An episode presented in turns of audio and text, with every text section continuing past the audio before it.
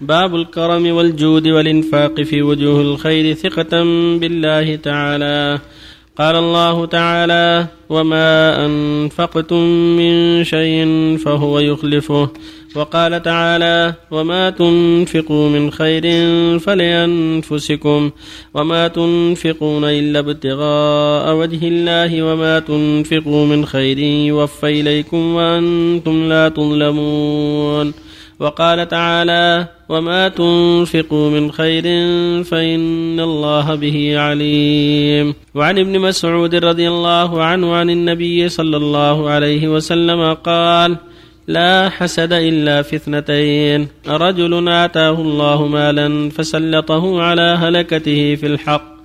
ورجل آتاه الله حكمة فهو يقضي بها ويعلمها. متفق عليه. وعنه رضي الله عنه قال قال رسول الله صلى الله عليه وسلم أيكم مال وارثه أحب إليه من ماله؟ قالوا يا رسول الله ما منا أحد إلا ماله أحب إليه. قال فإن ماله ما قدم ومال وارثه ما أخر. رواه البخاري. وعن عدي بن حاتم رضي الله عنه أن رسول الله صلى الله عليه وسلم قال اتقوا النار ولو بشق تمرة متفق عليه. وعن جابر رضي الله عنه قال ما سئل رسول الله صلى الله عليه وسلم شيئا قط فقال لا متفق عليه.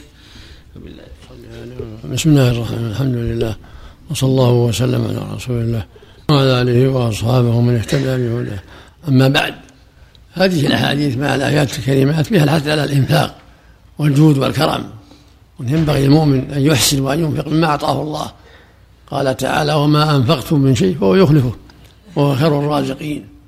قال تعالى وما تنفقوا من شيء فإن الله به عليم. قال تعالى آمنوا بالله ورسوله وأنفقوا مما جعلكم مستخلفين فيه فالذين آمنوا منكم وأنفقوا لهم أجر كبير. قال تعالى فاتقوا الله ما استطعتم واسمعوا وأطيعوا وأنفقوا خيرا لأنفسكم. ومن يوق شح نفسه فأولئك هم المفلحون. قال تعالى الذين ينفقون أموالهم بالليل والنهار سرا وعلانيه فلهم أجرهم عند ربهم ولا خوف عليهم ولا هم يحزنون. والنبي صلى الله عليه وسلم حث الناس على الصدقة ورغب في الصدقة. وقال صلى الله عليه وسلم أيكم ماله حب إليه من مال وارثه؟ قال يا رسول كلنا يحب ماله حب إليه من مال وارثه. قال فإن مال أحدكم ما انفق وقدم ومال وارثه ما آخر. ويقول عليه الصلاة والسلام اليد العليا خير من اليد السفلى وابدأ بمن تعول.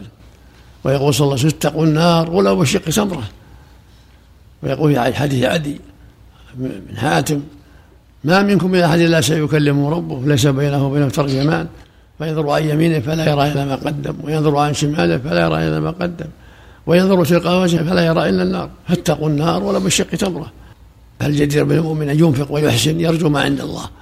يرجو ما عند الله من المثوبة. لا رياء ولا سمعة بل يريد وجه الله والدار الآخرة. كذلك صلى الله عليه وسلم ما سئل عن شيء إلا أعطى كان أجود الأجود عليه الصلاة والسلام وأكرم الأكرمين فكان يعطي السائلين. وربما أعطى قوما وغيرهم أحب إليهم إليه منهم. قال عليه الصلاة والسلام وأدعوا أقواما لما جعل الله في قلوبهم من الغنى والخير. منهم عمرو بن كما تقدم.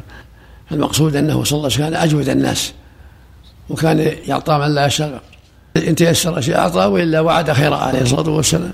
نعم. صلى الله عليكم. لو أخذ إنسان له عائلة بهذا الحديث الأخير وكان له نفقة العائلة فسأله سائل فأرد هذه السنة من نفقة العائلة الضرورية يكون يعني لا لا لا. العائلة حق. النفقة واجب حق.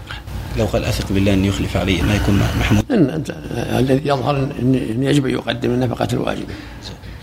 وهذا يعيده خيرا إن شاء الله وقتا آخر. سلطه على هلكته بالحق يعني انفق بالحق يعني على انفاقه نعم.